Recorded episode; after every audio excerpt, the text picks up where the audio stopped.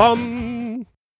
Professorn, vet du vad det är dags för idag? Äntligen får vi spela in ett eh, nytt avsnitt och det här är avsnitt 11 utav Whiskypodden med just doktorn och professorn. Men först vill vi tacka vår samarbetspartner såklart, Pelican Self Storage på Kungsholmen där vi har alla våra fina whiskysorter. Och tack så mycket för att de gör det möjligt till oss att eh, kunna fortsatt spela in Whiskypodden. Välkommen hit! Tack doktorn. Du låter väldigt glad över det här. Ja, men jag är glad. Eh, därför att det senaste vi gjorde nu var ju att vi spelade in en eh, årskrönika. Och det var ju visserligen jättekul att lyssna på delar av de gamla klippen, men vi brinner ju trots allt för det som händer ute på whiskymarknaden. Det känns kul att ha ett avsnitt där vi får prata om det. Och idag så är det ju inte vilken dag som helst, utan idag ska vi prata om det som hände på Viking Cinderella som hade sin whiskymässa här för några veckor sedan. Och det var ju faktiskt jättekul. Det, är ju, eh, det var ju för mig kanske årets begivenhet än så länge i alla fall. Ja men det var det och jag måste säga kul till att börja med. Vi var ju där på torsdagen. Det var ju första dagen eh, utav whiskymässan. Kul med alla dessa otroligt engagerade eh, människor i whisky. För det kändes verkligen som en stor whiskyfamilj eh, som var ombord. En känsla som man kanske inte alltid får på de andra typerna utav mässor där det finns många andra mixade personer. Så vi hade ju väldigt roligt och till alla er som kom fram och eh, hälsade och eh, meddela att ni var fans till Whiskypodden och lyssnade på Whiskypodden så är vi såklart otroligt smickrade utav det och jag hoppas att ni fick svar på alla frågor ni vill ha där och annars så vet ni att det bara är att mejla till oss så ska vi försöka besvara er i alla fall. Precis. Och eh, den här veckan eh, ska vi inte prata så mycket om eh, whiskynyheter. Vi har ju tittat på vad Systembolaget har i sina släpp och det var väl inget spektakulärt. Nej, det var väl inte det. Det var en del specialutgåvor eh, som skulle komma nu. Och som vanligt, det här verkar ju vara någon ny tradition att vad man än gör, oavsett vilka whisky som släpps och vilken månad den är, så måste man släppa minst två stycken unika Lafroig, eh, Independent Bottlers och minst fem Kaulila. ja, det är lite grann så det eh, har sett ut om man ska vara lite satirisk. Men eh, däremot så var det ju desto mer intressanta saker att se på mässan. Vad tog du med dig från mässan när det gäller nyheter? Nej, men det jag tog med mig som jag tyckte var extra roligt, det var ju att flera utav destillerierna har ju faktiskt gjort en specialutgåva för just Viking Line. Eh, och det kanske inte är den snyggaste skylten att ha på framsidan av sin flaska, men det är häftigt därför det är väldigt unikt. Eh, och vi har köpt en del utav dem. Jag ska inte berätta alla nu, för det ska vi berätta lite senare i programmet också. Men häftigt att man tar med sig 700 flaskor och så släpper man då en portion om dagen som ska ut så här. Eh, och det tycker jag, för min del, är behållningen att få pröva helt unik ny whisky. För självklart så fanns ju allting som redan finns i standardutbudet fanns ju också tillgängligt. Men det är kul att, att testa det nya, det är inget tvekan om. Eh, fick också en väldigt bra bild när vi var och träffade Svenskt Eldvatten. Eh, det är en bra svensk independent bottler skulle jag säga. Eh, jag vet inte om allting som de hade där överhuvudtaget var nyheter, men det vi fick pröva var i alla fall extraordinärt. Mm. Och för dig då? då? Ja, jag håller helt med dig när det gäller Viking-releaserna. Det ser ju förskräckligt billigt ut att ha Viking Line-logotyp på flaskan, på whiskyflaska. Det känns inte som det hör hemma där riktigt, men, eh, men eh, det är ju inga dåliga releaser. Det är bra releaser som absolut inte är någon lågbudgetversion för färgen, utan eh, där ska man ha klart för sig att det här riktar sig till whiskyentusiaster. Och det tycker jag var kul. Eh, någonting jag tycker var roligt var att det var flera som hade förlagt eh, eh, premiärer på olika releaser på mässan. Det är kul, det gör att eh, man känner sig lite utvald som besökare, att få vara först i kanske världen till och med och prova olika releaser. Vi kommer ju få höra i några av inslagen här mer om det. Eh, I övrigt, eh, fantastiskt klientel, kul att få träffa lyssnare. Det kan jag bara hålla med om också. Det var jättekul. För er då som inte har varit på whiskykryssningen så kan man ju varmt eh, rekommendera att åka på den. Det man alltså då har gjort är att det är på Eh, på Bilplan där man har hela den här mässanläggningen. Eh, där alla då har fått ställa upp sina olika montrar och sen så är det whiskyfokus i hela båten. Eh, och det som är härligt också, som känns väldigt så här osvenskt då, trots att man är ute på ett svenskt-finskt, något typ av internationellt vatten. det är ju att man kan köpa sina varor då direkt nere på plats på mässan. Och det är en riktig höjdare. Ja, det är faktiskt jättekul att man inte bara får titta och smaka utan att man får köpa också. Det är, det är en eh, stor skillnad från alla andra mässor i eh, närheten av Sverige. Verkligen. Och några andra som jag besökte som jag blev väldigt imponerad av, eh, som vi inte har träffat sedan innan, det var ju Old Rare. Som eh, också är en svensk independent bottler. Eh, och jag fick ett väldigt, väldigt bra bild utav vad de ville, ville åstadkomma. Eh, tunga entreprenörer, eller många entreprenörer från, eh, från Småland från början, eh, som har fått helt rätt kontakter på Skottland att ordna fantastiska importer utav saker. Så jag tycker nog att det roligaste på plats, det var nog för mig att träffa alla independent bottlers. Ja, det var synd att jag missade just Old Rare. Jag var ju på en provning hos en annan independent bottler just vid tillfället. Ja, men tittar man då vidare på mässan, eh, förutom de här svenska independent bottlers då som jag talade om, så hade vi ju en eh, riktigt rolig uppleve, upplevelse hos Norrtälje som vi inte heller har mött sedan tidigare. Nej, och det var jättekul att få träffa ytterligare ett svenskt destilleri. Eh, de växer ju inte på träd än så länge. Det är en liten skara som ökar. Så det var väldigt spännande att få se vad Norrtälje har att bjuda på och det är också det som blir vårt första inslag idag. Det är det. Ska vi ta och lyssna på det? Det tycker jag vi gör. Vi har eh, rört oss vidare och vi har kommit till Norrtälje som vi inte har träffat sedan tidigare och med oss där så har vi Kristina som är grundare av eh, Norrtälje Bränneri. Välkommen hit! Vill du berätta lite om bakgrunden till eh, Norrtälje? Hur kom ni på idén från början? Ja, det är en lång historia men eh, kort så fick vi överta mina föräldrars gård som var bönder och eh, efter ett besök på Åland så träffade jag på hur man destillerade i en röd lada. Och det där var ju helt perfekt för vi har en jättestor röd lada hemma och på den vägen är det. Var, var det så enkelt alltså? Var det från ja. den sekunden som man bestämde sig för att nu är det här vi ska göra? Ja, jag har alltså min bakgrund i destillering när det handlar om frukt och bär. Så att jag mäsksätter frukten, jag destillerar frukten och bären och det är ju därifrån jag kommer. 2002 startade vi en liten panna och sedan dess så har vi hållit på att destillera till vår röda lada. 2009 började vi destillera whisky på allvar och eh, då hade jag lärt mig en hel del. Och jag hade också hittat en whisky som jag gillade och det är en eh, fransk variant som har legat på eh, calvados-fat. Och det där, det där slog jag an på mig då naturligtvis, som har den här frukt och bärbakgrunden. Och ehm, eh, då tyckte jag, men vi är redo för det här nu. Så 2009 så tillverkade vi första råspriten. Det hamnar på sherry och Oloroso-faten och det passar vår, vis, eller vår råsprit bra just sherryfaten för det blir, det blir mer blommiga smaker, det blir mycket fruktiga, eh, den plockar upp mycket sånt och färger från faten. 2012 så tyckte vi att eh, nu har det gått några år så att vi kanske ska gå över lite grann till bourbonlagrade och då gjorde vi det. Så att eh, nu idag på den här första resan så är det första släppet av vår bourbonlagrade whisky och eh, den destillerade jag när jag tittar på gaven så står det att det är mellan den 19 och 24 september 2012 och vi buteljerar den den 4 januari. Så att det är ja, drygt tre år nu då. Mm. Vad, vad, tror du att man är på väg då, då i svensk whisky? Om vi talar både om marknaden som helhet och er ambition som ni har med whiskytillverkning. Jag tror att man, eh, jag vet att svenskar i allmänhet är på väg, eller har gillat jättemycket den rökiga whiskyn. Men jag tror att man går över mer och mer och går mot de mer lättdruckna, mer, mer eh, lättare whiskysorterna och där passar ju vi in väldigt bra, framförallt med den här sherryn. Lite kanske sötare upplevelse än eh, just de här rökiga, riktigt häftiga sakerna.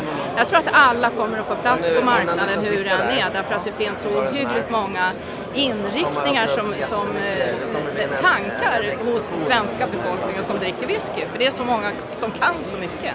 Jätteroligt är det. Jag måste ju säga att eh, det är en intressant aspekt det här när du säger att alla får plats på marknaden i Sverige, för det tror ju vi också. Alla vi har träffat, de svenska destillerierna, har en egen idé om hur whiskyn ska tillverkas och ni har ju uppenbarligen en alldeles egen idé också. Ja, helt klart. Vi gör alltså, pannorna är, eh, jag vet inte om ni kan beskriva dem bättre än vad jag kan. det tror jag inte.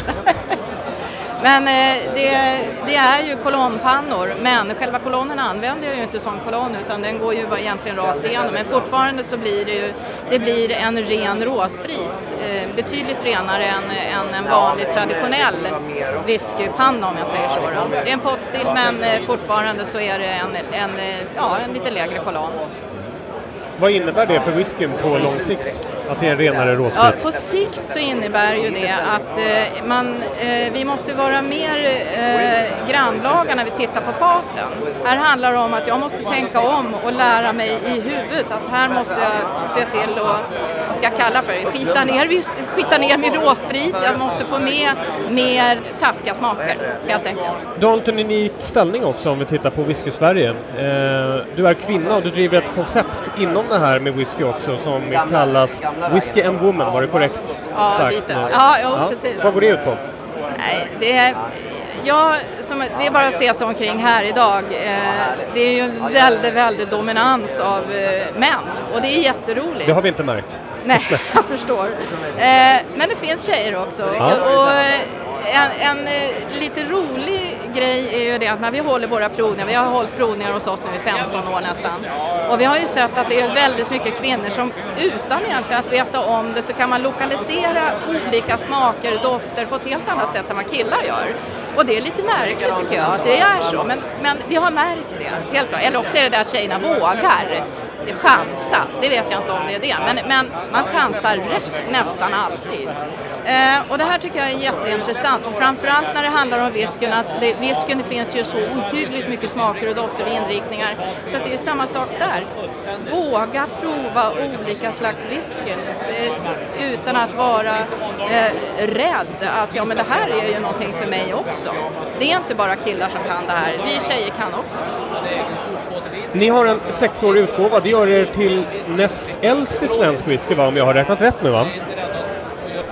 Så är det också så att om jag har räknat rätt här så har ni den näst äldsta svenska whiskyn, för den är sex år gammal och Mackmyra har en som är tio år.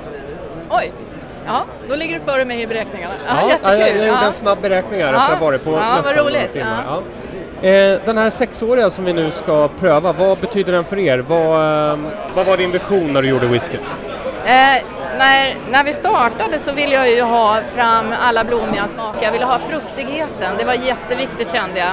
Eh, jag vill att när man smakar även whisky så vill jag att det ska finnas toner av Norrtälje bränneri. Ja men det här känner man, det här är bränneriet. Och det, då har jag nått dit jag vill därför att det, det är ju viktigt för mig att det här är ju, vad ska jag säga, bränneriets själ, inte bara visken utan det här är ju smakupplevelserna som är själen. Så det är ju viktigt att man känner igen sig, att det inte blir någonting som är helt annorlunda. Men det är klart det är annorlunda, men, det, men eh, man ska finnas med där. Just ja, det här är ju bränneriet. Spännande. Och nu ska vi pröva eh, ja. sexan och eh, vilken är den andra som vi har här? Det är... Eh... Den vi har släppt med på eh, den här, släppt ut, eh, det är bourbonfatet som lagrades från september och som jag buteljerade den 4 januari. Jättefint och stort tack för att vi fick intervjua dig Kristina och vi ser fram emot att pröva whiskyn. Ja, Norrtälje bränneriprofessorn Kristina Anerfelt, eh, hon är på väg mot någonting spännande. Ja, det får man verkligen säga. Eh, det var ju fantastiskt att vi inte har faktiskt haft möjlighet att prova det här förrän nu. Eh, lite dåligt av oss nästan. Det håller jag med om. Och lite intressant när vi stod där på plats, det visste inte de, men vi visste det att de har Sveriges näst äldsta whisky efter Mackmyra. Om våra beräkningar stämmer så är det så för att eh, Mackmyra har ju eh, sin tioåriga, det är den äldsta de har släppt officiellt men efter det så har vi aldrig sett någon som är sex år. Nej, det har vi inte och det gör ju då i min bedömning och jag har inte kunnat hitta heller någon svensk whisky som har blivit releasad för det är ju någonstans lite kriteriet eh, som är sex år gammal så att min bedömning är att det här är Sveriges näst äldsta och det är häftigt. Ja, det är det faktiskt. Det är riktigt kul. Så vi önskar Norrtälje all lycka till och hoppas att vi träffas snart igen. Absolut. Ja, vad säger du om lite frågor och svar då, professorn? Ja, är det dags nu igen? Ja, är du redo? Jag är alltid redo. Mm, idag ska vi se om vi kan sätta dig ordentligt på pottan så att säga. Eh, och då är det en fråga som från början mynnar ut från eh, Mats.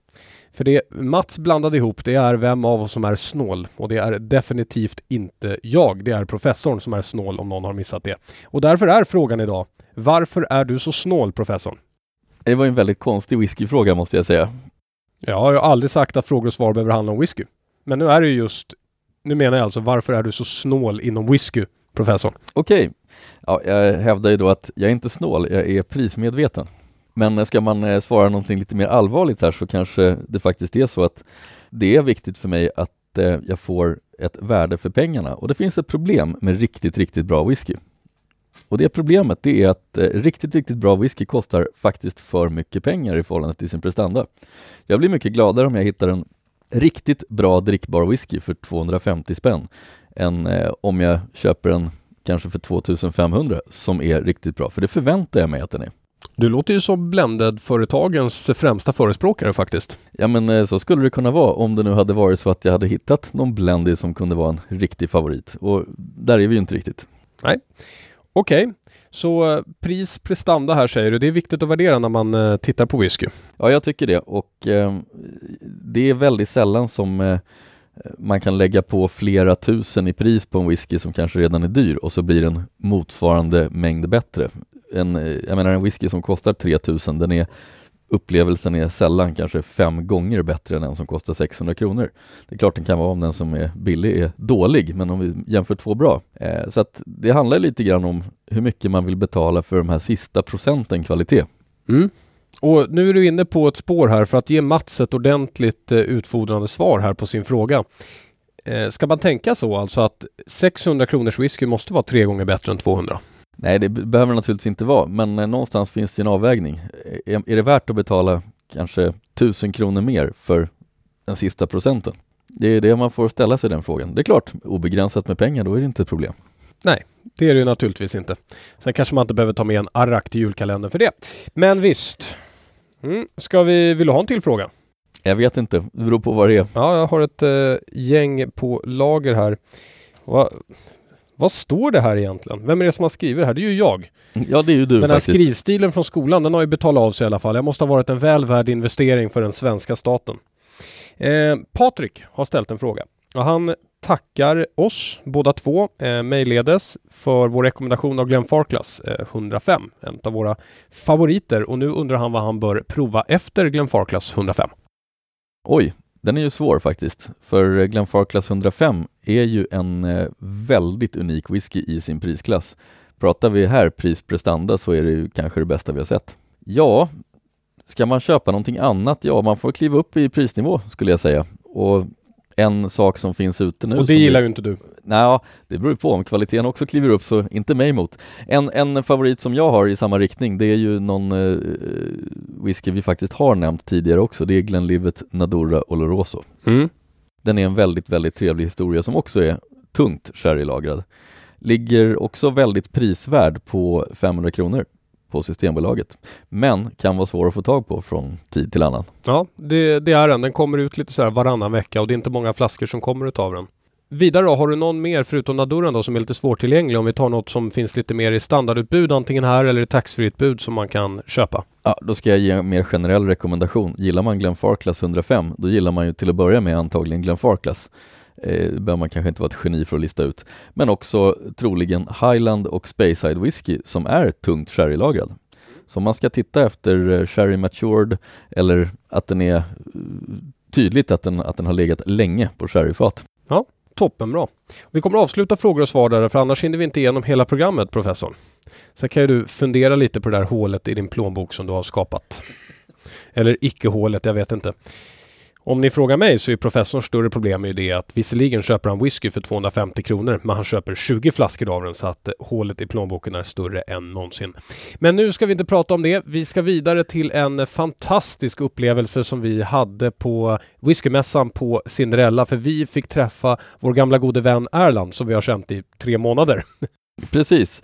Våran eh, trevliga bekantskap på Bacardi. Ja. Och där fick vi ju eh, som ni kommer få höra göra några riktigt coola grejer. Första anhalten professorn här på eh, whiskymässan på Cinderella. Det är Bacardi och vår vän Erland. Välkommen till programmet. Tack så mycket, kul att se er igen. Detsamma, detsamma. Du har sparat någonting väldigt trevligt åt oss, eller försökt spara någonting trevligt åt oss som vi ska bli först i Norden att pröva. Vad, vad är det? Det stämmer bra det. Vi eh, hade ju en trevlig stund förra gången vi satt och provade igenom lite vad som in, uh, finns i uh, Last Great Malls sortiment. Men nu har vi två stycken lite extra karameller här efter jul helt enkelt. I form av den 31-åriga Craig Ellekin samt en flaska 28-årig Aberfeldy. Det är inte dåligt. Nej, och det är faktiskt lite udda på så sätt att det är de två första flaskorna som öppnas i Norden av det här. Och det är inte dåligt det heller. Så ni får verkligen vara med om en premiär som heter duga. Ja, det får man säga. Hur kom det sig att man tog fram de här eller hur kommer ni att sälja dem kanske snarare är frågan som jag I nuläget är det nog lite oklart exakt hur försäljningen kommer ske. Men om vi pratar Aberfeldin här på 28 år så eh, ligger det nog i farans riktning att vi kommer hamna travel retail eller taxfree i det här Mm. läget. Någon gång under 2016. Eh, 38-åriga Kregellekin kommer också troligtvis hamna i taxfree till att börja med. Sen får vi se om den kanske också letar sig till Systembolaget i Sverige. Det hoppas vi på, men vi vet inte riktigt ännu. Har du prövat dem själv? Nej, jag har faktiskt inte det. Ska du Eh, pröva dem med oss? Ja, självklart. Så att vi kan sätta ett gemensamt betyg om här vad vi tycker och Det tänker. tycker jag låter som en strålande idé Ja, verkligen. då tycker jag vi gör det. Men innan vi gör det så har jag en sista fråga och den måste jag faktiskt ställa till professorn. Så jag vill att du slår på din kanal nu. Nu har vi fått höra ytterligare ett uttal på Kregellechi. Och det är eh, Kregellechi. Hur uttalar du den egentligen? Ja, är vi där igen nu med uttalsdiskussionen så eh, korrekt uttal är naturligtvis Kregellechi. Kregellechi. Mm. Så nu har vi en som tycker att det ska vara C och en som tycker att det är K. Ja men det är bra. Ja. Då, då har vi lagt upp hela spelplanen för att pröva whisky nu då. Yes. Men nu har vi någonting unikt framför oss. Det är en 31-årig Kregellechi. Vad är dina förväntningar professorn? De är väldigt höga faktiskt, för det är de alltid när det är någonting som börjar på tre på en whisky. Om det inte är treårig whisky då förstås. Men eh, eh, jag tror att den här eh, har potential att vara riktigt, riktigt bra. Vi har ju druckit de yngre Kregellechi förut. Vi drack en 17-årig om jag inte minns fel, eh, när vi besökte Bacardi. Och den här är ju nästan dubbelt så gammal. Det är den. Det här ska bli väldigt, väldigt spännande och unikt. Då doftar vi. Ja. Den doftar faktiskt lite mindre än jag trodde, men det här kan bero på temperaturen. Mm, vi ska värma den här lite tror jag. Mm. Nu doppade jag näsan i den. Det är du duktig på. Ja, Och jag brukar få det i skägget. Ja, det är... det var en ganska trevlig upplevelse faktiskt. Mm, nu börjar det ta sig lite. jag tror jag får göra så här, jag får lägga handen över. Är det inte lite anistoner och lite åt potatishållet? Ja, jag är Åh, fortfarande men ganska mild. oj, Har du smakat smak. på det nu? Ja, jag, jag kunde inte hålla men jag såg att Erland började smaka så då sprang jag på det direkt. Nu pratar vi. Och du, Ja, ha, ha. känner du röken när den kommer? Mm, här är så bra. Och den ligger kvar, och den ligger kvar, och den ligger kvar. Och den är i hela munnen, upp och ner och man nästan ryser. Eh, Erland just nu håller på att trilla ihop bakom båset ser jag. Ja, jag tror inte han kommer eh, dricka något annat ikväll. och jag ser just nu när jag tittar ner på mina fötter att jag står på um, sidorna. Ja, Vilken sån upplevelse i... eh, det här var en Duracell whisky. ja. It keeps going and going and going. Det är fantastiskt att vi står här och höjer den till skyarna och så har vi inte sagt någonting om smaken överhuvudtaget. Vi bara konstaterar att det här är vansinnigt bra. Ja, jag tror inte vi behöver säga så mycket om smaken. Det här är en Kregellechi som är exceptionell. Mm. En unik whisky som också har åldrats, fått ordentlig komplexitet. Får man möjlighet att pröva den här, då ska man pröva den. Ja, det är en helt annan sak än att dricka de tamare Speyside-kusinerna. Här Mm. kommer nämligen Kregellechis råa bakgrund verkligen till sin rätt. Den är inte välkammad trots att den är 31, Nej, men oj vad sofistikerad den är. Mm. Så bra är den. Och då ska vi koppla in Erland också och se vad, vad han tycker om de här två. Om Erland har återhämtat sig, jag är lite osäker på det. Wow! Ehm, ja, du frågar om jag återhämtar mig. Nej, jag är inte helt säker faktiskt. Det här var en ehm, upplevelse som heter duga. Ehm, vilken komplexitet. Ehm, det döljer sig så mycket oerhört i den här whiskyn som det kommer ta många provningar tror jag att hitta allting. För det, det finns allt av, allt av allt höll jag på att säga. Men det är massor med intressanta smaker. Fatet träder fram väldigt tydligt men sen så kommer också den här eftersmaken in med massor med oväntade karaktärer som man hittar i de yngre Kragelekillen. En liten hint av den här fruktigheten. Jag tycker jag kan känna en liten svavelton som dyker fram i form av kanske någon lätt fenolton.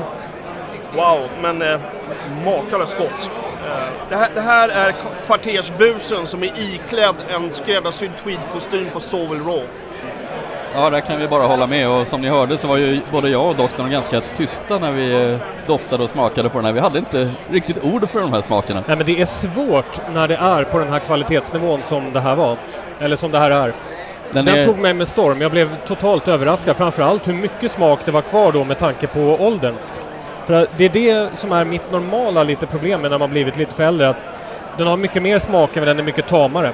Här har vi någonting som är kraftfullt. Den kommer som en käftsmäll rakt in i munnen och har alla dessa smaker. Ja. Det är nästan eh, explosion i smaksinnena. Ja, det är verkligen.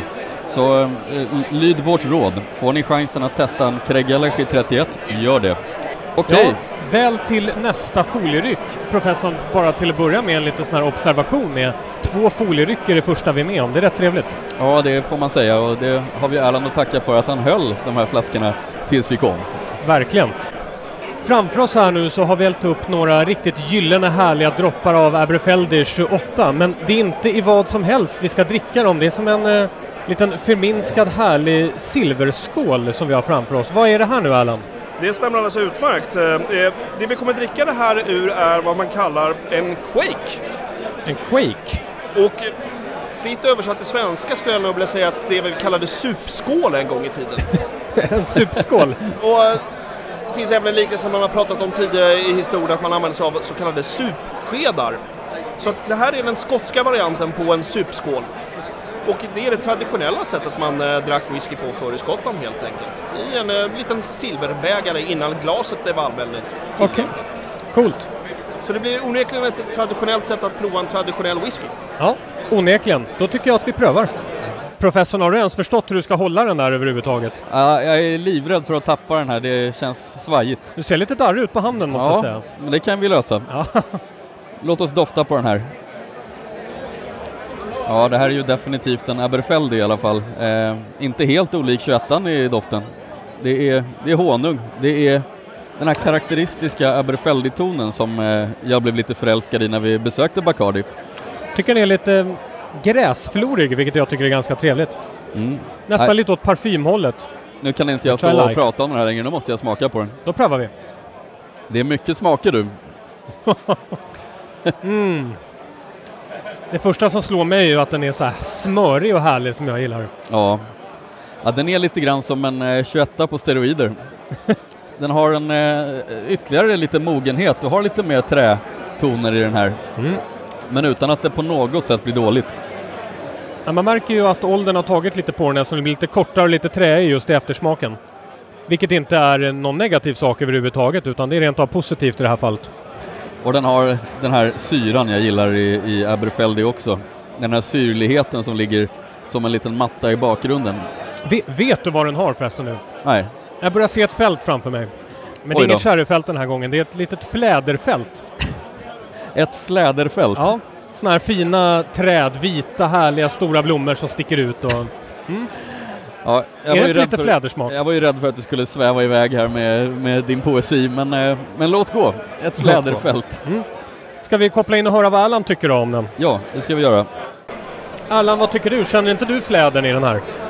intressant iakttagelse. Eh, jag måste nog ärligt säga, jag vet inte riktigt om jag hittar någon fläder här. Eh, därmed inte sagt att det är fel, men men oj säger jag bara. Eh, det händer en hel del eh, i jämförelse med 21 kan jag lugnt säga. Det är, Smaken rullar in som ett sommaråskväder från kusten. Det är lång smak på den här. Sötman finns ju där som, som alltid i Aberfeldin och, och den här mjuka, lena honungsbasen någonstans där.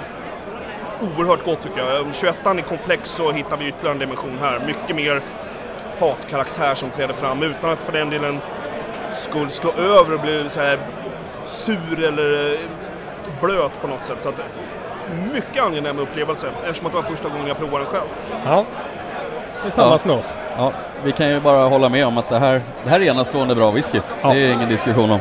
Om vi ska slå ihop det lite så kan jag säga på en gång att eh, Craig Ellersen vinner överlägset för mig. Den här Craig Ellersen kan jag bara hålla med.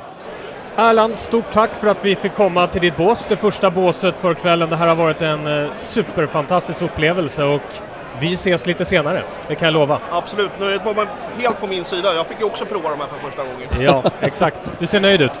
Mycket. Ja du professorn, Erland. Vilken kille! Och Bacardi, vilket företag? Ja, jag slutar ju aldrig förvånas och imponeras av vad vi får eh, prova för någonting här.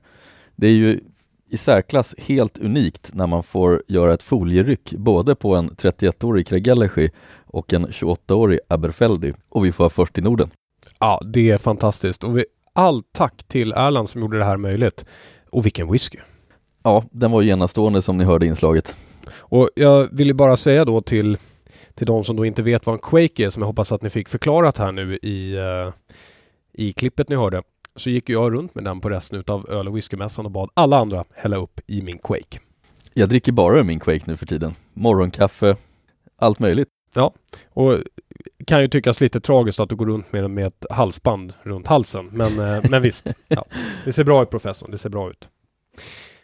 Okej, vidare här inne på whiskymässan så besökte vi några andra vänner som snart ska komma i ett helt eget avsnitt och det var naturligtvis Box. Visst, de hade ju också en, eh, en unik egen release för färgen. Det var ju Archipelago. Ja, så jag tycker att vi tar och lyssnar nu på hur det var att pröva Archipelago. Professorn, jag är lite förvirrad just nu därför att jag trodde att vi lämnade Ångermanälven redan i december men nu står jag och tittar på den igen. Ja, vi är tillbaka vid brottsplatsen igen på Box. Men onekligen har det blivit sommar igen om jag får döma av bilderna va? Ja, det är väl trevligt till skillnad från de minus 14 vi har ute. Mm. Vi har tagit oss fram till eh, Box eh, lilla, lilla bås, eller lilla ska vi inte säga. De har en stor monter här på mässan massivt med personer som är här för att pröva bland annat deras senaste utgåva och det är ju Archipelago som har gjort speciell för Vissekryssningen. Precis, och den står vi här nu och håller i vår hand. Det blir en mycket spännande eh, upplevelse att pröva den här. Mm. Oj, oj, oj, vilken rök den har utanför här. Ja, det här var en väldigt trevlig rök. Men vi har ju också, vi har ju den karaktäristiska boxbakgrunden också i den här. Det har vi. I doften. Sen måste jag säga, jag tycker att eh, bourbonen täcker över, för det finns ju definitivt en råsprit bakom här, men som ändå täcks bort lite och blir söt och trevlig tycker jag. Ja, jag, jag upplever att det är väldigt lite råsprit i den här i förhållande till eh, vissa andra releaser, särskilt de yngre, men eh, det är väl det man kan förvänta sig av den här. Den är väl kanske en av de äldsta. Mm. otroligt trevlig doft, välbalanserad doft. Ja, vi smakar. Det gör vi. Mm. Mm. Och läder och bacon och... Ja, jag tänkte mm. säga det, den här, den här är ju... Eh, den är lite speciell i rökigheten, till och med för att vara box. Jag gillar det. Jag tycker att den här är en bra balans av rök och eh, bourbonsmaker. Den är väldigt mogen. Och nu vet ju inte jag exakt hur gammal den är, men eh, den är, jag tycker den är mogen i smaken. Jag har väldigt lite vibbar av att det här skulle vara en jätteung whisky. Ja, jag jag håller helt, helt med dig och den här sältan blir jag nästan lite förvånad över för den är väldigt trevlig. Den är nästan lite Lafroig-aktig. Eller lite Ardbeg-aktig skulle ja, jag säga. Det beror ju på hur man ser det. Ja. Men den matchar röken på ett väldigt, väldigt sympatiskt sätt. Mm. Vi har fått ett tips ifrån Spejan om att vi ska vattna den här. Det ska tydligen komma fram en helt ny karaktär. Ja, Där kommer... har han helt fel. Nej, jag skämtar bara. Nej, jag måste nog igenom helt rätt här. Det den får en helt ny eh, ton i doften också. Sen vet jag inte om jag tyckte så mycket bättre om den, men vi ska pröva att smaka på den. Oj, vilken karaktärsbyte. Mm. Röken, röken är nästan borta. Ja. Så röken sitter alltså i styrkan i den här. Jag blir lite förvånad faktiskt över att den ändrade skepnad så totalt. Vad, vad innebär det rent tekniskt? Ja, det skulle jag önska att jag kunde svara på, men här är jag faktiskt, eh, här ställer jag mig väldigt frågande till hur det här går till. Normalt sett så, visst, röken minskar ju om man eh, vattnar ner en rökig whisky. Det är inte så konstigt, men här försvinner den nästan helt. Mm, den gör det. Det kan inte riktigt förklara med så lite vatten. Vi får fråga Roger då helt enkelt. Ja, vi får göra det. All in all så vill jag säga att en välpaketerad, bra balanserad whisky. Eh, det här är svenskt, vi ska vara stolta. Ja, förutom deras eh, sherry-release som jag älskade så är den här eh, absolut bäst. Här har ju Roger gjort ett riktigt, riktigt bra jobb får vi säga. Och, utan tvekan. Och, och, även om det här är en ganska dyr whisky, den kostar ju ändå över 800 kronor flaskan, så känns det som att man eh, nästan skulle vilja lägga vantarna på en sån här. Ja, det är precis så det känns. Där hade vi då Box med sin Archipelago Professorn. Vad, vad tyckte du om den? Ja, jag tyckte att den, eh, den var riktigt bra. Vi gillar ju Box som alltid, skulle man nästan kunna säga. Men eh, visst, det här var en värdig, eh, unik release för färjan. Mm, det var det verkligen. Och det blir bättre med åldern, eller hur? Ja, det blir ju det och jag har ju stora förhoppningar på Box i framtiden. Mm. Lite som du, du ser inte en dag äldre ut än jag lärde känna dig för tio år sedan. Precis, och jag smakar lika gott. Nej, vänta. Ja, det är nog en diskussion du får hålla utanför det här forumet. Ja, avslutningsvis då. Eh, ska vi prata lite om vad vi köpte på färjan så har jag skrivit ner min lista här med, med vad jag köpte. Jag köpte ju en eh, Glenfarclas 105 och där passade jag också på Glenfarclas-påse för de hade en eh, jättehäftig release, en Viking Line-release eh, av en Glenfarclas också som jag köpte och smakade som jag tyckte var grymt, grymt trevlig. Sen var jag ju hos Old Rare, så vi fick väldigt bra kontakt med. Jag hoppas att vi ska få möjligheten att träffa dem snart igen. Eh, och där köpte jag både en eh, Bomore Independent Bottling och en Bunna Haven som var hela 33 år gammal. Det är inte dåligt det. Nej, det går inte av för hackor. Sen köpte jag även några flaskor till, men den intressanta frågan är ju mannen som nyss talade om att han gillar det här med pris prestanda. Vad köpte du? Ja, jag var ju tvungen att eh, behärska mig lite grann här för att det fanns ju väldigt, väldigt mycket whisky som jag ville köpa. Men jag valde faktiskt ut en specifik som vi inte har nämnt i programmet någonting och det var från Nika. Deras eh, Coffee Malt, en eh, speciell malt som är gjord i deras Coffee Stills. Och den här är någonting jag fastnade för när jag provade den för första gången. Den har en unik smak som jag inte känner igen från någon annan whisky, inte ens från andra Nika egentligen. Eh, med tydliga kaffe och chokladtoner. Jättetrevlig. Och det här är ingen billig whisky. Den här kostar faktiskt 800 kronor flaskan. På båten. Fantastiskt. Så här står vi då i det skotska och svenska whiskyharemet. Vi har besökt Erland där jag också köpte en eh, Royal Brackla. För övrigt är en fantastiskt bra whisky och du väljer att köpa japanskt och spendera då till alla de här skotska och svenska destillerierna vi älskar exakt 0 kronor, men du gav japanerna 800. Ja. Mm. Ja, jag tror att vi avslutar det här programmet med att hålla då i beaktning att det här med prisprestanda verkar ju vara någonting väldigt personligt och vissa gillar helt enkelt inte att spendera pengar på mycket bra whisky. Okej, men eh, då ska vi prata lite grann om nästa avsnitt. Vad kommer där? I nästa avsnitt, då ska vi faktiskt ut på en liten resa och det är ju till Glenlivet Cabin som man inte riktigt exakt får berätta var den ligger någonstans även om vi vet det numera. Men den ligger på hemlig ort och där ska vi pröva igenom en liten range tillsammans med Olof och Ray från Pernod Ricard. Ja, och det här tror jag att ni inte vill missa när det kommer ut därför att det här var en upplevelse. Det var en eh, vertikal genomgång av Glenlivet som heter duga. Det var det. Och antill den så höjer vi glasen, önskar er skål, en trevlig vecka och så glömmer ni inte att vill ni ställa oss några frågor så skicka de frågorna till doktorn at whiskyabc.se för annars finns risken att professorn har varit där och redan sålt den för pengar. Slamsy.